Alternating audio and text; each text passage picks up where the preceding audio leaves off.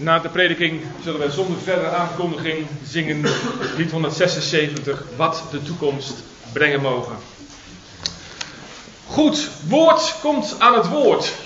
Nou, dat gaan we doen. We gaan de Bijbel openen bij Genesis 13. En bedenk dat we de, de schrift lezen, dan komt God aan het woord. God spreekt ons door zijn woord tot ons. Genesis 13, vanaf vers 1 tot 18.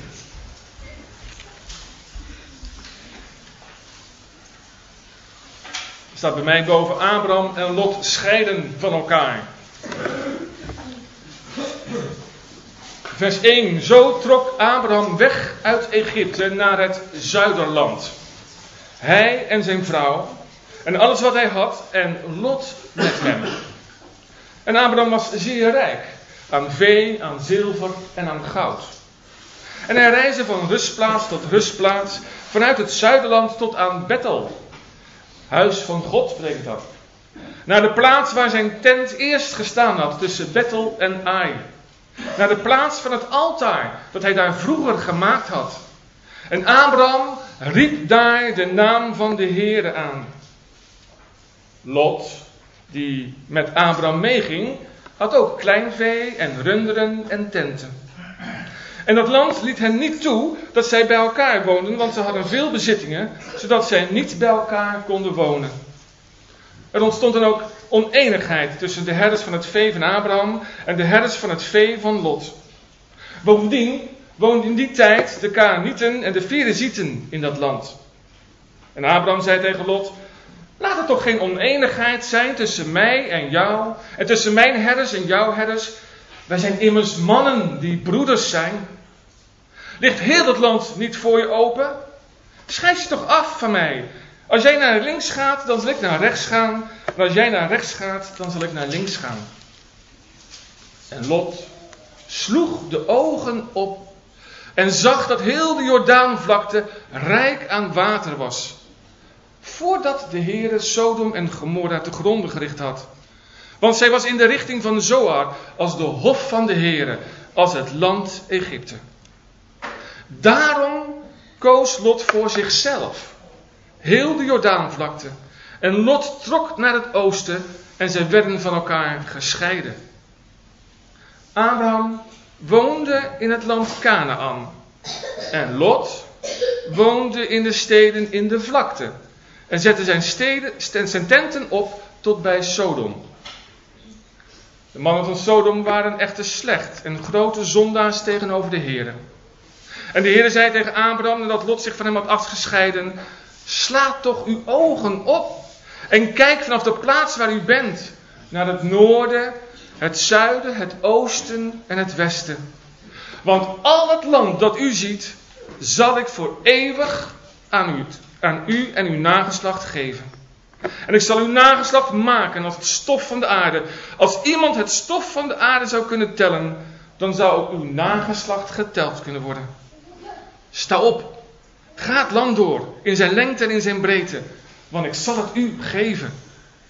En Abraham zette zijn tenten op en ging bij de eiken van Mamre wonen, die bij Hebron zijn, en hij bouwde daar een altaar voor de Heeren.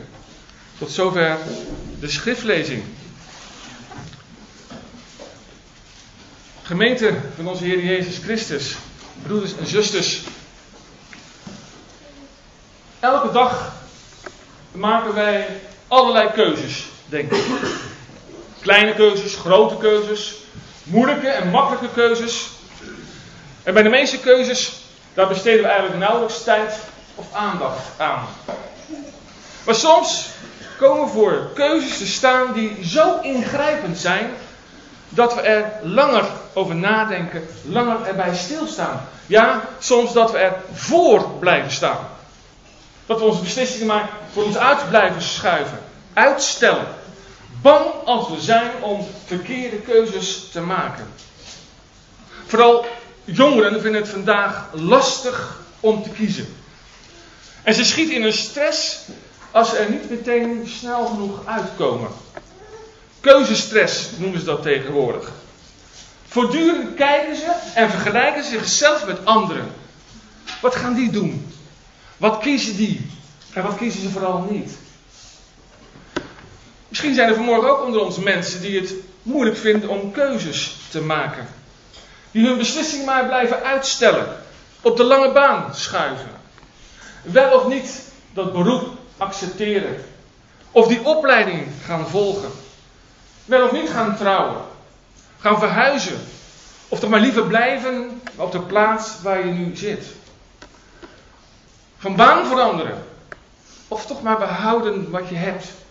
Je weet immers nooit wat er nog allemaal kan gebeuren. Vanmorgen willen we met elkaar gaan nadenken over het thema waar kies je voor? En we doen dat door te gaan kijken naar Abraham en Lot. Die beiden op een bepaald moment in hun leven een keuze moeten maken.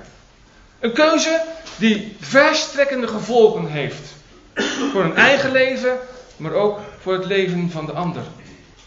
We willen dus gaan zien waar Abraham voor kiest, waar Lot voor kiest en tenslotte, een derde, waar God voor kiest. We willen dus stilstaan bij één, de keuze van Abraham, twee, de keuze van Lot en drie, de keuze van God. In eerste plaats is de keuze van Abraham. We lezen de versen 1, 3 en 4. En leest u vooral met mij mee. Zo trok Abraham weg uit Egypte naar het zuidland, hij en zijn vrouw, en alles wat hij had, en Lot met hem. En dan in vers 3. En hij reisde van gutsplaats tot rustplaats, vanuit het zuidland tot aan Bethel, naar de plaats waar zijn tent eerst gestaan had tussen Bethel en Ai. Naar de plaats van het altaar dat hij daar vroeger gemaakt had. En Abraham riep daar de naam van de Heere aan. Abraham trekt dus weg uit Egypte naar Canaan. Nou, misschien kunt u zich nog herinneren, maar de vorige keer hebben we al gezegd dat daar eigenlijk in de grondtekst geen wegtrekken staat, maar optrekken. Abraham trok op uit Egypte. Hij klimt dus omhoog naar Canaan, wat hoger ligt dan Egypte. Maar er is ook sprake van een geestelijk opklimmen bij Abraham. Abraham immers krabbelt omhoog uit, de, uit het diepe dal van zijn leven. Want Egypte was immers een groot dieptepunt in zijn leven. Egypte stond symbool voor zijn zonde van ongeloof. Voor zijn vertrouwen op zichzelf en niet op God. Want in Egypte, daar had hij immers voor gekozen om Sarai, zijn vrouw, voor zijn zus te laten doorgaan. Waarop de farao Sari aan zijn harem had kunnen toevoegen. En het was alleen dankzij Gods ingrijpen dat Sari aan Abraham werd teruggegeven. Waarna hij door de farao publiekelijk werd vernederd en het land werd uitgezet. Samen met zijn vrouw Sari, zijn bezittingen en neef Lot. Nou, op dat dieptepunt in zijn leven naar die publieke vernedering, pakt Abraham de draad weer op. Hij weet letterlijk en figuurlijk de weg naar boven weer te vinden. Want het eerste wat hij doet is terugkeren. Terugkeren naar Bethel, huis van God. Abraham kiest dezelfde weg terug als waarover hij is gegaan naar Egypte. Exact dezelfde weg. Abraham volgt zogezegd het spoor terug.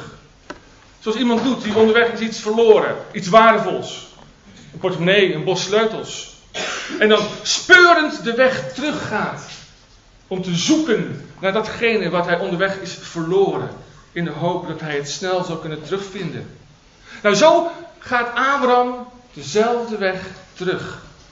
Om te zien waar hij God is kwijtgeraakt.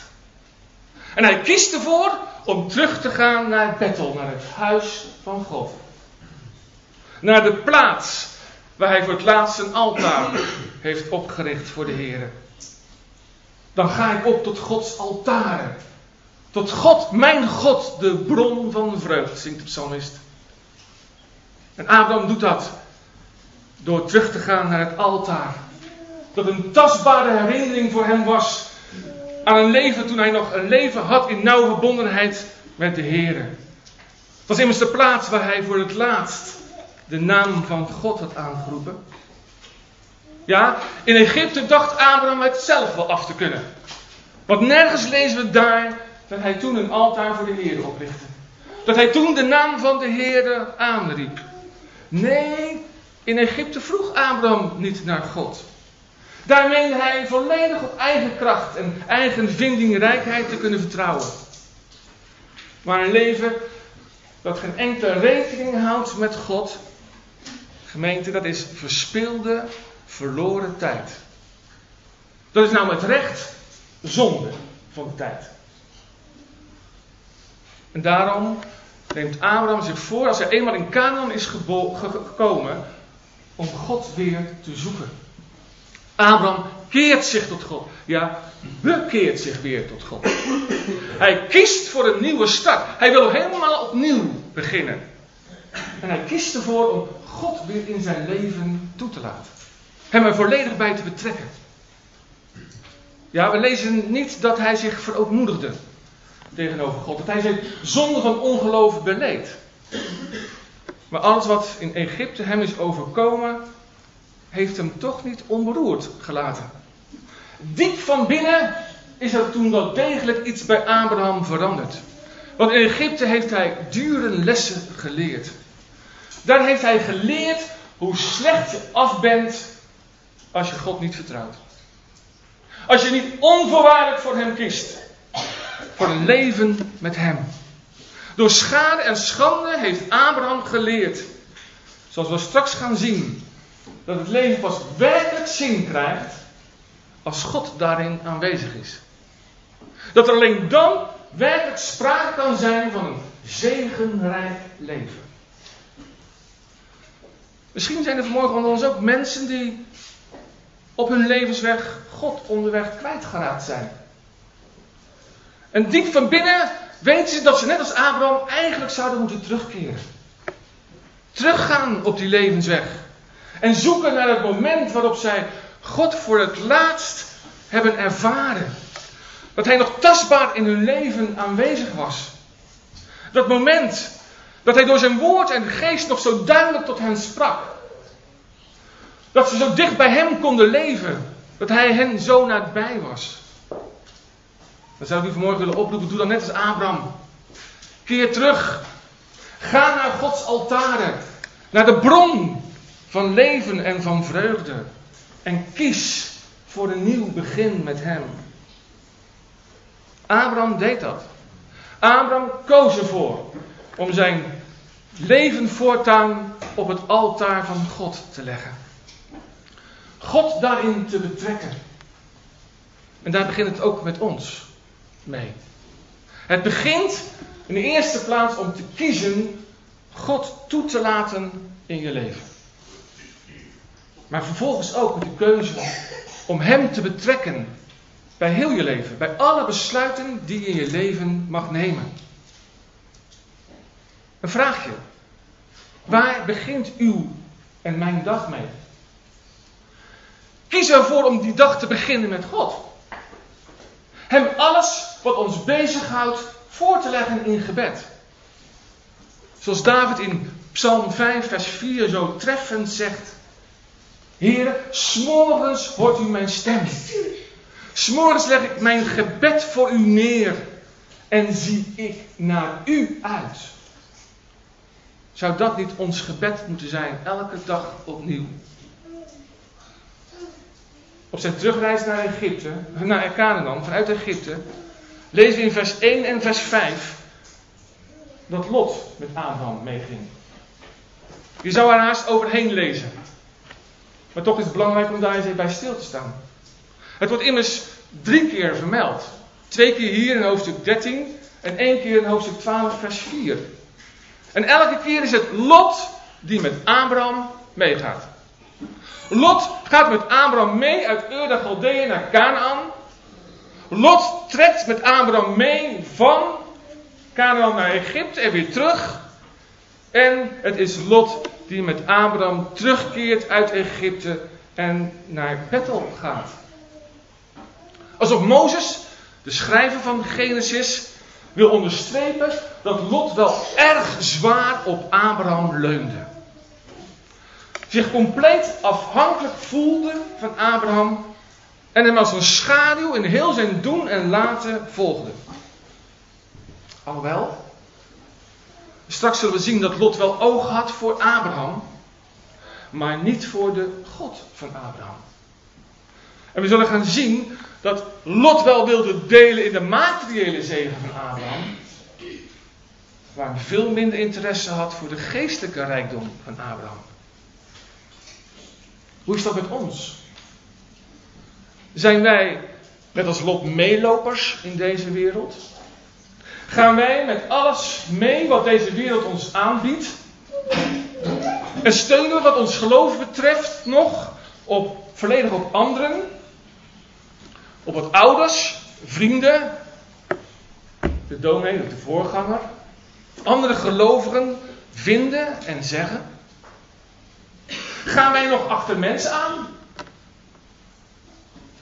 Of volgen wij God? In hoeverre staat u op eigen geloofsbenen? Hebben wij een persoonlijke relatie met de Heer? Weet u, vroeg of laat wordt dat duidelijk. Bij ouders en bij kinderen. En vooral kinderen voelen fijn aan of het geloofsleven van hun ouders echt is of niet. Alsof ze de christelijke normen en waarden van binnenuit uitleven of niet. En als het alleen aan de buitenkant blijft, als het alleen maar uiterlijk vertoon is, dan is de kans heel groot dat kinderen, als ze op latere leeftijd gekomen zijn, andere keuzes maken die wij als ouders graag zouden zien. En daarom de vraag, hoe bewust geloven wij? Welke keuzes maken wij in ons leven? Zijn we daarin voortrekkers zoals Abraham of meelopers zoals Lot? Weet u, dat meegaan van Lot met Abraham wordt tot een groot probleem. We hebben erover gelezen. En het is eigenlijk indirect een gevolg van het negeren van Abraham toen God hem gebood om uit zijn land, zijn stam en zijn familiekring te gaan. God had zijn belofte van land alleen gedaan aan het nageslacht van Abraham. En niet aan het nageslacht van Lot. En u weet welke nakomelingen Lot had. De Moabieten en de Ammonieten. Oom en neef moeten dus wel van elkaar gescheiden worden. Lot kan niet bij Abraham in Canaan blijven. En dus grijpt God weer in gebruikt hij de omvangrijke veestapels van Abraham en Lot als directe aanleiding om hen van elkaar te scheiden. Lees maar mee in vers 6 en 7. En dat land liet hen niet toe dat zij bij elkaar woonden, want zij hadden veel bezittingen, zodat zij niet bij elkaar konden wonen. En er ontstond dan ook oneenigheid tussen de herders van het vee van Abraham en de herders van het vee van Lot. En bovendien woonden in die tijd de Kaarnieten en de Ferizieten in dat land. In vers 2 hebben we gelezen dat Abraham zeer rijk was aan vee, aan zilver en goud. En in vers 5 staat dat Lot als erfgenaam van Haran, de broer van Abraham, ook klein vee, runderen en tenten had. Abraham was toen al rijk toen hij naar Egypte ging. Maar de bruidschap van de farao voor zijn vrouw Sari had hem nog rijker, ja, schatrijk gemaakt. En wellicht zal ook Lot gedeeld hebben in die bruidschap van aan Abraham. Zodat ook zijn kudde fors was uitgebreid. Maar juist deze zegen is oorzaak van nieuwe problemen. De veestapels van Abraham en Lot zijn in Egypte zo groot geworden dat de schaarse weidegronden en waterputten niet voldoende zijn om alle dieren genoeg te eten en te drinken geven. En daarbij komt bij, we hebben gelezen, dat ook de Kaanieten en de Ferezieten in het land wonen, die ook hun eigen kunnen daar weiden en lieten drinken. Je kunt je wel voorstellen dat leidt allemaal tot een groot gedrang bij de waterputten en tot een kaal grazen van de schaarse weidegronden. En dat alles is weer aanleiding tot twistgesprekken en ruzie tussen de krechten van Abraham en Lot. Ruzie over land, ruzie over water. Er is wat dat betreft niets nieuws onder de zon. Immers, ook nu beginnen veel conflicten, zeker tussen landen, vaak met ruzie over land, over grond, over water. En de knechten van Abraham en Lot zijn daar dus geen uitzondering op. Ze betwisten elkaars rechten op de schaarse weidegronden en waterputten. Een conflict dat escaleert, waarop geen verzoening volgt, maar vervreemding en scheiding. Gemeente, hieruit kunnen we leren dat verkeerde keuzes in het verleden misschien op korte termijn wel tot zegen lijken te zijn, maar op langere termijn veelal desastreuze gevolgen hebben. Als Abraham niet naar Egypte was gegaan, of daar niet had gelogen over zijn vrouw Sari, dan waren hun kudde, de kuddes van Lot en Abraham niet zo groot geworden dat ze niet in hetzelfde woongebied konden samenleven. Geen vertrouwen in God hebben kan dus soms hele nare gevolgen hebben voor ons leven. Kijk maar naar Abraham. Kijk maar naar zijn huis, zijn familie. Die raakt verdeeld. Lot, zijn gezin en zijn herders kunnen niet langer door één deur met die van Abraham. De families kunnen niet meer samenwonen in vrede. Ze kunnen niet meer shabbatten, zou je eigenlijk kunnen zeggen. Zo staat het er letterlijk. Ze kunnen geen sabbat meer vieren. Ze kunnen niet meer samenwonen als broeders en zusters van hetzelfde huis. Nee, ze dreigen elkaar zelfs de tent uit te vechten. Als ons dat overkomt, dan hebben we vaak de neiging onszelf te rechtvaardigen. We zeggen dan, ja, ruzies komen in de beste families voor, nietwaar? En dat is natuurlijk ook zo. Je kunt je alleen afvragen of een samenleven zonder ruzie wel een samenleven is. Dat is één.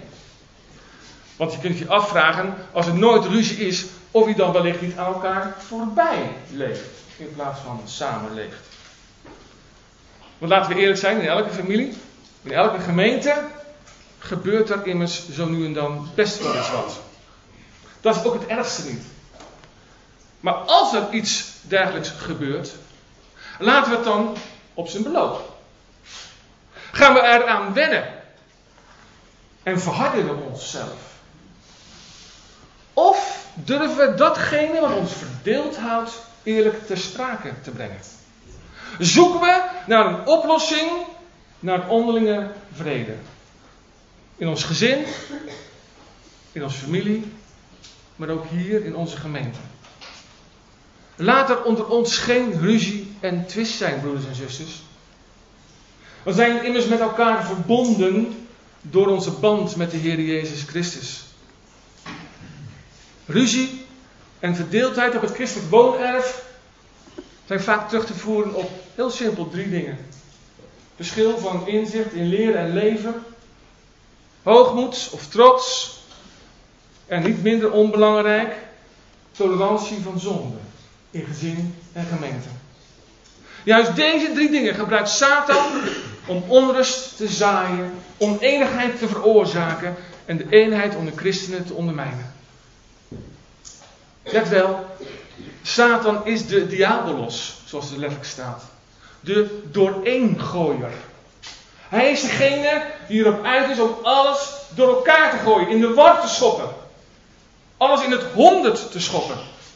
En hij zet alles op alles om de eenheid onder christenen te vernietigen. En daarom dienen we op, de hoogte, op onze hoede te zijn. Voor zijn streken. Bijzonder als we van elkaar, met elkaar van mening verschillen. Omdat we niet te trots of te hoogmoedig zullen zijn, aan de ene kant. Maar ook aan de andere kant dat we niet te tolerant, te toegeeflijk zijn voor de zonde. En wat ons daarbij helpt, is om dit in gedachten te blijven houden. We zijn familie van elkaar. Geestverwanten van elkaar. Onze eenheid is in de persoon en het werk van de Heer Jezus Christus. In Hem zijn wij één. Wij maken dus geen eenheid, maar we zijn een eenheid in de Heer Jezus Christus. En onze opdracht, dat is uitsluitend onze opdracht, om die eenheid zo zorgvuldig mogelijk te bewaren en te bewaken. En dat gaat ver. Het bewaken van eenheid in de christelijke gemeente gaat zelfs zo ver dat wij onderlinge vriendschappen daaraan ondergeschikt moeten maken. We zien niemand dus naar de ogen. We maken geen onderscheid des persoons. Onze liefde tot de Heer Jezus Christus en tot zijn gemeente moet zo sterk zijn dat we alle kwaad kunnen weerstaan. Zelfs als dat kwaad komt van degene die dichtst bij ons staan. Die we het meeste lief hebben. Maar dan nog. Maar dan nog kan het gebeuren dat broeders en zusters niet meer met elkaar door één deur kunnen gaan. Dat ze niet meer met elkaar kunnen omgaan. Nogmaals, we moeten er echt alles aan doen om die onderlinge verschillen van inzicht en ruzies, om die zoveel mogelijk bij te leggen. Dat zijn wij domweg verplicht aan onze Heer en Heiland.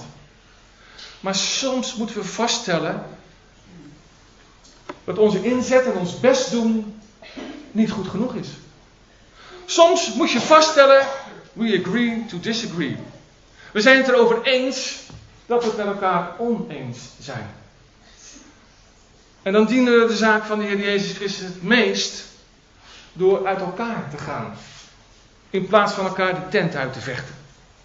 Soms is het beter om onoplosbare problemen uit de weg te gaan door tijdig afscheid van elkaar te nemen. En dat zien we ook bij Abraham en Lot, vers 8 en 9. En Abraham zei tegen Lot: Laat er toch geen oneenigheid zijn tussen mij en jou. En tussen mijn herders en jouw herders. Wij zijn immers mannen die broeders zijn. Ligt heel het land niet voor je open? Schrijf je toch van mij af. Als jij naar links gaat, dan zal ik naar rechts gaan. En als jij naar rechts gaat, dan zal ik naar links gaan. Abraham werpt zich hier op als de vredestichter. Hij wil geen ruzie in de familie. En hij zet de eerste stap om verdere escalatie van het conflict te voorkomen. Hij stelt Lot voor om uit elkaar te gaan. Zijn houding is nederig, ruimhartig. Dit is een heel andere Abraham dan in Egypte.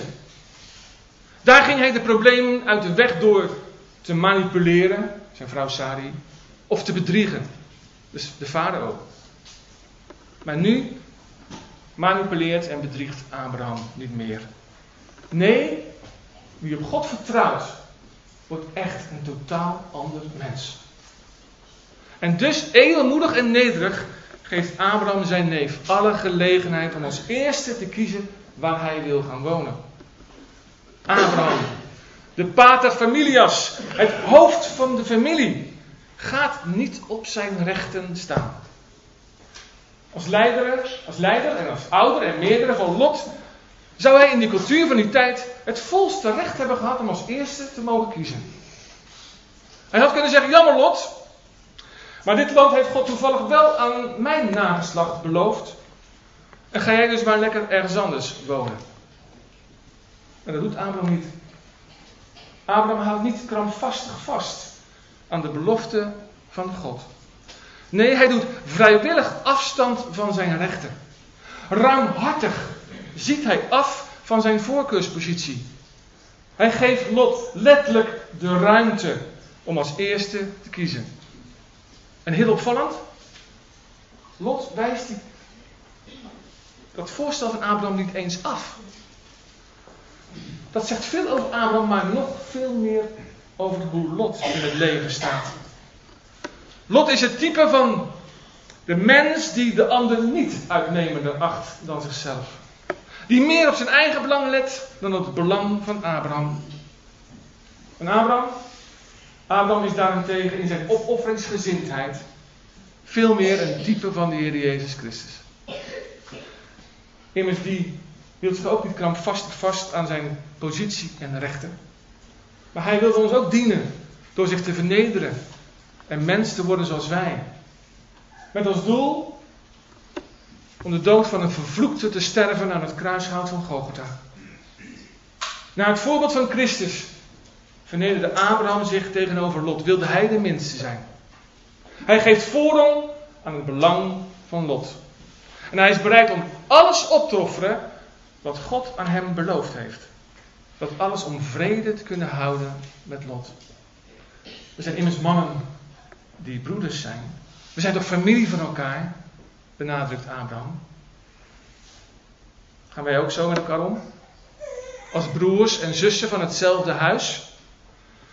Als er meningsverschillen zijn of conflicten dreigen, wie van ons zet dan de eerste stap om een eventuele escalatie te voorkomen?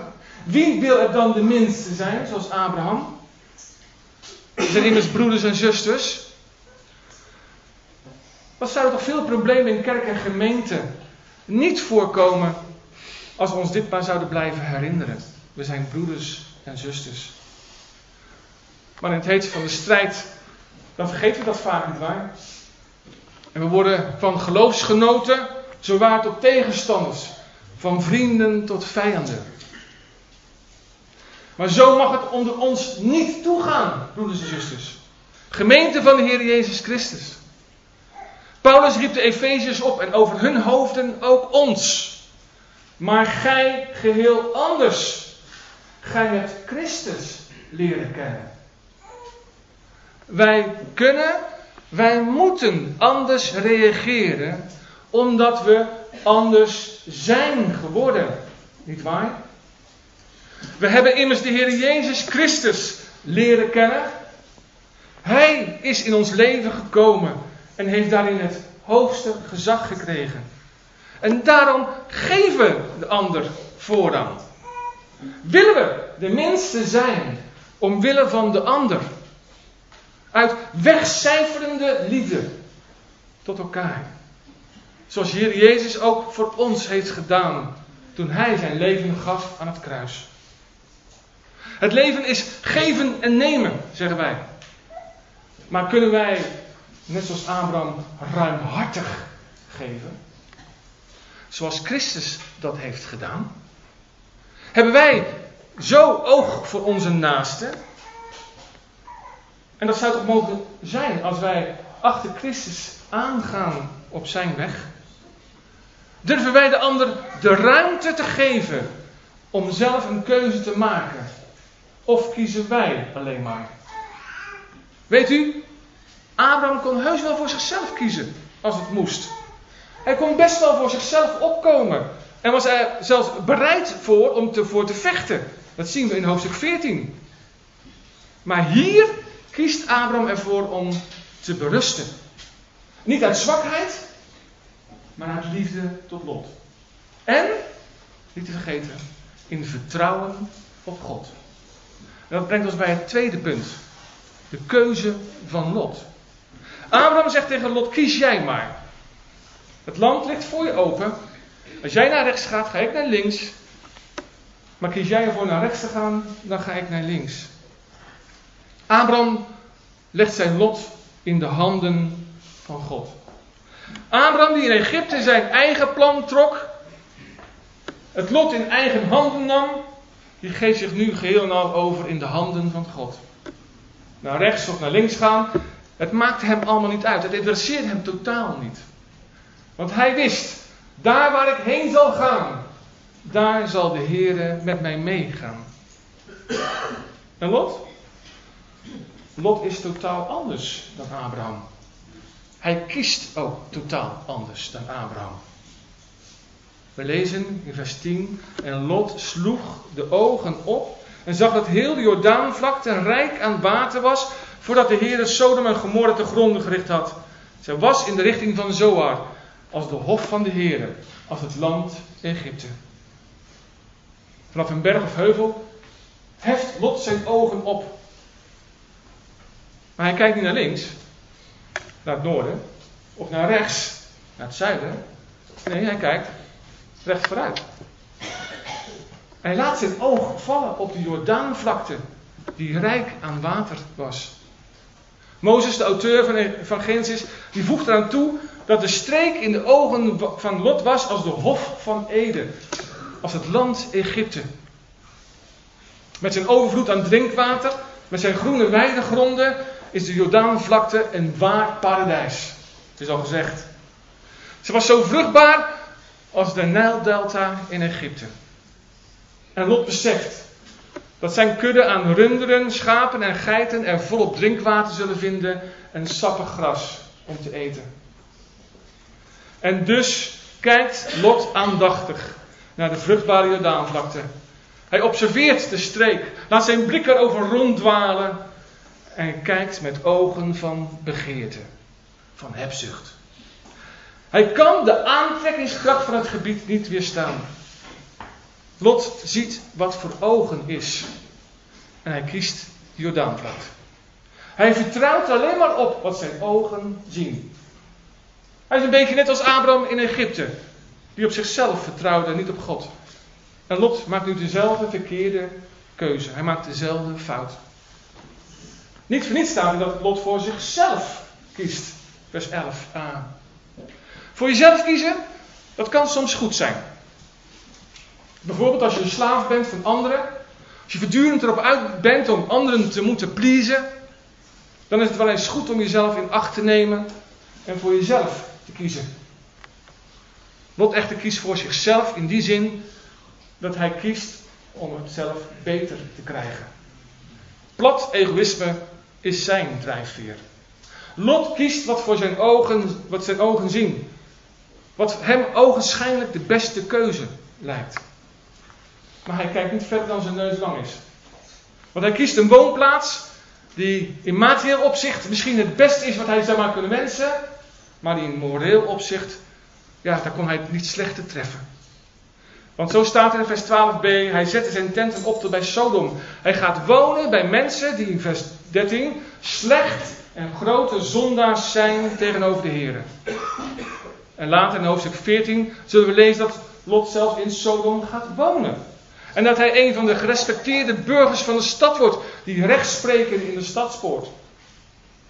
Lot dacht alles te kunnen winnen, maar hij komt bedrogen uit.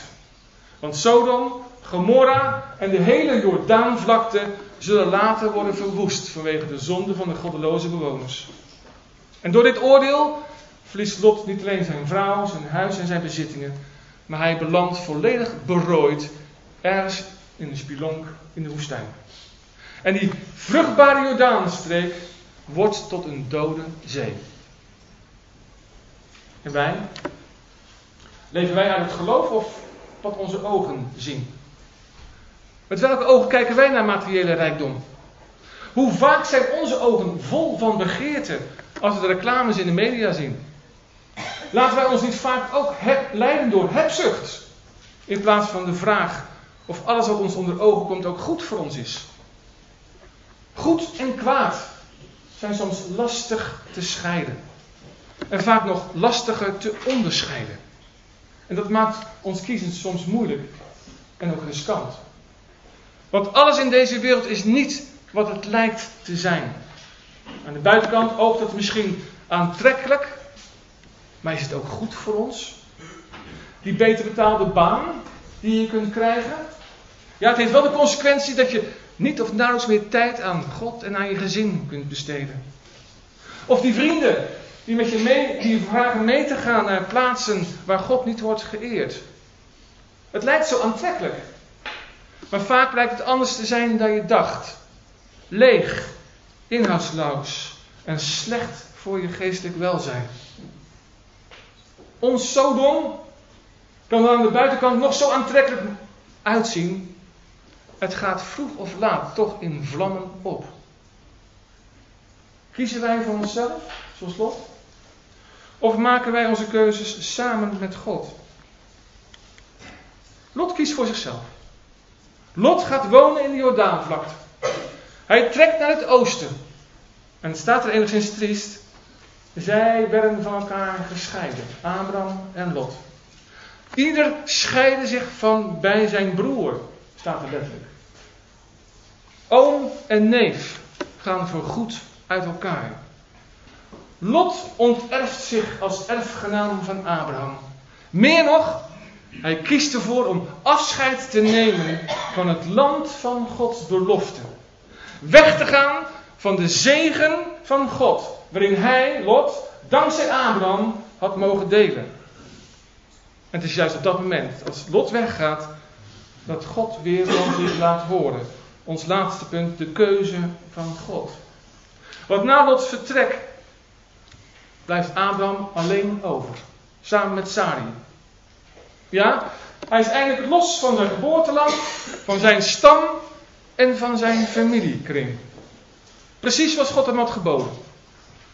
Kinderloos als hij is, heeft hij nu geen erfgenamen meer. Je kunt je dus wel voorstellen dat Abraham op dat moment de leegte en de pijn van Lots vertrek zal hebben gevoeld. Maar juist op dat moment, juist op dat moment spreekt God opnieuw tot hem. En hij herhaalt en bevestigt zijn keuze voor Abraham en zijn nageslacht. Om Abraham te vertroosten en te moedigen. Vers 14. En de Heere zei tegen Abraham, nadat Lot zich van hem had afgescheiden: Sla toch uw ogen op. En kijk vanaf de plaats waar u bent naar het noorden, het zuiden, het oosten en het westen. Opvallend. Vindt u niet? Zoals Lot uit eigen beweging de ogen opsloeg en de Jordaansteek bekeek, zo moet Abraham nu op Gods bevel zijn ogen opslaan. En zijn blik laten rondgaan over het land. Naar het noorden, het zuiden, het oosten en westen. God zegt tegen Abraham als het ware, je moet niet kijken naar wat je verloren hebt. Of wat je denkt te verloren te hebben. Maar naar wat je gaat winnen. Want, zegt God in vers 15 tot met 17, al het land dat u ziet, zal ik voor eeuwig aan u en uw nageslacht geven. Ik zal uw nageslacht maken als het stof van de aarde. Als iemand het stof van de aarde zou kunnen tellen, dan zou ook uw nageslacht geteld kunnen worden. Sta op, ga het land door in zijn lengte en breedte, want ik zal het u geven. Tot drie keer toe. Denk in deze machtige woorden van God, ik zal. God doet een beroep op Abraham om iets te doen wat elk menselijk begrip te boven gaat. Geloven dat heel het land Canaan op een dag aan Abraham en zijn nakomelingen zal toebehoren. Zie toch wat ik je ga geven, zegt God. Zo ver als je kunt kijken, in welke richting dan ook. Al dat land zal ik aan jou en je nakomelingen geven. God herhaalt de belofte die hij had gegeven in Urda Galdea aan Abraham. En hij herhaalt zijn belofte dat uit de kinderloze Abraham een heel groot volk zal voortkomen. Ja, zegt God, dat volk zal zo talrijk zijn als het zand, als het stof op de aarde. Ontelbaar dus. En God geeft de opdracht aan Abraham om het land te doorkruisen. In zijn lengte en in zijn breedte. Abraham mag het hele land doorgaan. En in ogenschouw nemen. En zo mag hij in geloof aanvaarden dat hij het land nu al in bezit heeft gekregen. Je mag zeggen, Abraham zet letterlijk stappen in het geloof. Hij laat zien dat hij God op zijn woord gelooft door te doen wat God hem opdraagt. Even tussen haakjes. Als een bemoediging voor Israël is het u opgevallen dat God het land voor eeuwig aan Abraham en zijn nageslacht geeft. En Gods belofte is onuitwisbaar. Geen mens kan dus deze goddelijke belofte aan Abraham en zijn nageslacht, aan Israël dus, ongedaan maken. Het volk Israël heeft dus alle goddelijk recht om te wonen in het beloofde land. Het slotvers benadrukt hoe Abraham nu op God vertrouwt, vers 18. Abraham zet zijn tenten op en ging bij de eiken van Mamre wonen, die bij Hebron zijn. En hij bouwde daar een altaar voor de Heer. Abraham slaat zijn tenten op bij de eikenbossen van Mamre, vlak in de buurt van Hebron, in het zuiden van Canaan. Mamre en Hebron zijn plaatsen die regelmatig terugkeren in het leven van Abraham. Hij en zijn hele familie zullen daar uiteindelijk ook begraven worden. Maar juist daar, vlak in de buurt van Hebron, richt Abraham weer een altaar op voor de Heer. Uit Egypte gekomen keert hij terug naar het altaar in Bethel. En hier bij de eikenbossen van Mamre bouwt hij opnieuw een altaar. Als een zichtbaar bewijs dat hij Gods aanwezigheid in zijn leven zocht. Abraham koos, anders dan Lot, voor het beste deel. Waarom? Omdat hij zijn handen, omdat hij zijn leven in de handen van God durfde te leggen. Hij woonde weliswaar in onvruchtbare woestijn, maar hij had zicht op een hoopvolle toekomst. Abrahams leven had perspectief, omdat hij diep van binnen wist dat Gods zegenrijke handen over zijn leven zouden zijn. Gemeente, ook wij maken veel keuzemomenten mee in ons leven. Waar gaan we wonen? Welke baan ga ik? Met wie ga ik een relatie aan? Met welke man of vrouw, jongen of meisje deel je je leven? Kies je voor of tegen seks voor het? Voor of tegen pornografie? Voor of tegen verslaving aan roken, aan alcohol, drugs? Hoe kiezen wij? Waarheen slaan wij onze ogen op? Waar kijken wij naar? En waar slaan wij onze tenten op? Bij Hebron of bij Sodom? Kiezen wij voor een leven in slavernij aan de zonde of voor een leven in vrijheid met God? Waar kiezen wij voor? Gaan we voor het korte termijn genot, zoals Lot? Of kiezen we zoals Abraham? En gaan we voor de goddelijke zegen ook op de langere termijn? Weet u, als wij onze ogen opslaan in deze wereld, dan is er veel gewoon dat ons aantrekt. Voorspoed en rijkdom, macht en aanzien, succes, roem. Het spreekt ons allemaal aan. Het verleidt ons allemaal. Het, het wordt ons allemaal in meer of mindere mate aangeboden. En het is soms zo moeilijk om daarin de juiste keuzes te maken. Weet je wat ons kan helpen? Om eens niet ondoordacht te kiezen zoals Lot. Maar jezelf voortdurend af te vragen. Bij alles wat je kiest. Kies ik nu voor mezelf en niet voor God? Ga ik voor het eigen succes? Plan ik mijn eigen toekomst? Of vertrouw ik erop dat God mijn leven leidt? Mij zijn weg laat zien? Geloof ik dat wat Hij aan mij belooft altijd beter is dan wat deze wereld mij aanbiedt? Wil ik zo leven onder het gezag van zijn woord? Dan is het van levensbelang dat we, net als Abraham, een altaar voor de Here hebben opgericht. Een plaats waar we Hem kunnen ontmoeten, elke dag weer. Waar we zijn naam aanroepen in gebed en zijn woord lezen. Een altaar waarop wij de totaalsom van ons leven durven leggen.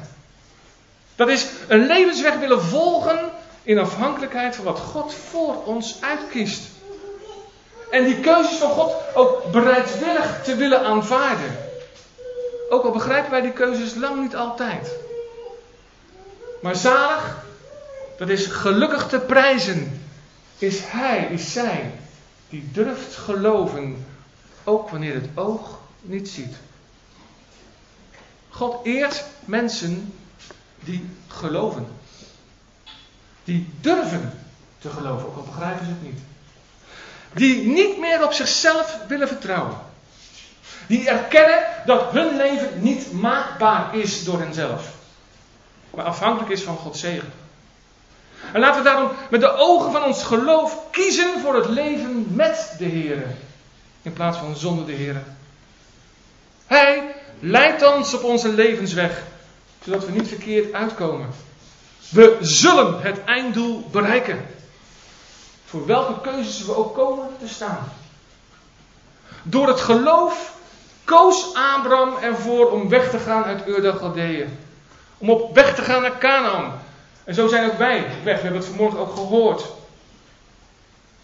En wij mogen in geloof de keuzes maken waarvoor we komen te staan. En bedenk dan dit.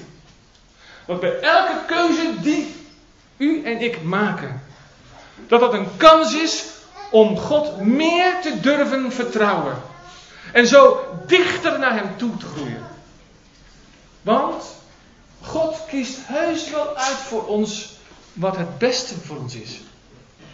Die keuzes kunnen we met een gerust hart aan Hem overlaten. Amen.